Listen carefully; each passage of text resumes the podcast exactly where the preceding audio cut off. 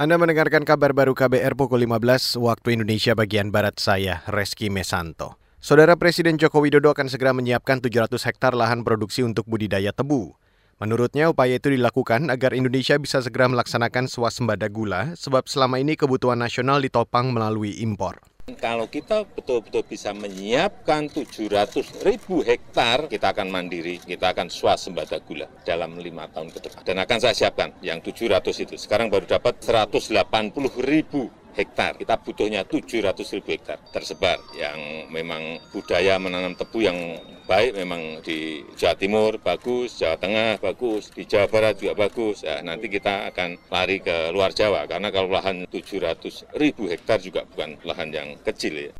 Jokowi menambahkan selain untuk swasembada gula, pemerintah juga tengah menyiapkan rencana memanfaatkan gula sebagai sumber energi sebagai etanol, yakni etanol 5 hingga etanol 10. Proses ini sama seperti pada pengelolaan energi sawit menjadi B20, B30, dan seterusnya. Saudara Ikatan Dokter Indonesia atau IDI Cabang Kudus Jawa Tengah dan sejumlah organisasi profesi lain memprotes penghapusan undang-undang profesi dalam rancangan undang-undang tentang kesehatan atau Omnibus Law. Ketua ID Cabang Kudus Ahmad Syaifuddin menilai penghapusan undang-undang profesi akan membuat pengawasan terhadap standar pelayanan kesehatan menurun. Menolak dengan catatan untuk undang-undang RUU RUU kesehatan ini, di mana kalau kita lihat substansinya itu tidak ada urgensinya, ya, dan tidak ada poin-poin yang sangat krusial yang juga kalau kita lihat poin-poinnya malah akan banyak merugikan kepentingan masyarakat umum sama ini semua OPE itu akan melakukan keanggotaannya itu menjaga etikanya, disiplin, kompetensi dan sebagainya.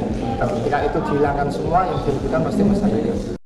Ketua IDI Cabang Kudus Ahmad Syaifuddin menyebut IDI beserta organisasi profesi kesehatan mendukung perbaikan sistem kesehatan nasional. Namun mereka menolak penghapusan undang-undang profesi yang ada dalam rancangan undang-undang kesehatan atau Omnibus Law.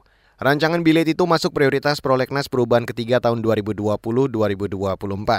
Selain itu, mereka memprotes para organisasi profesi yang tak dilibatkan dalam penyusunan naskah RUU Kesehatan. Dan Saudara PT Pertamina Persero membantah ada kelangkaan minyak tanah di kota dan Kabupaten Sorong, Papua Barat dalam dua pekan terakhir.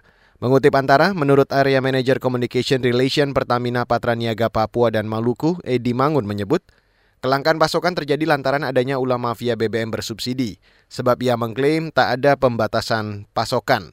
Ia mengaku belum dapat mengungkap jumlah ketersediaan pasokan yang dimaksud karena mafia ikut memantau BBM bersubsidi. Namun Edi Mangun mengklaim pasokan aman hingga dua pekan ke depan. Kata dia, Pertamina Sorong hanya mendistribusikan minyak tanah di wilayah itu. Dan saudara, demikian kabar baru saya Reski Mesanto.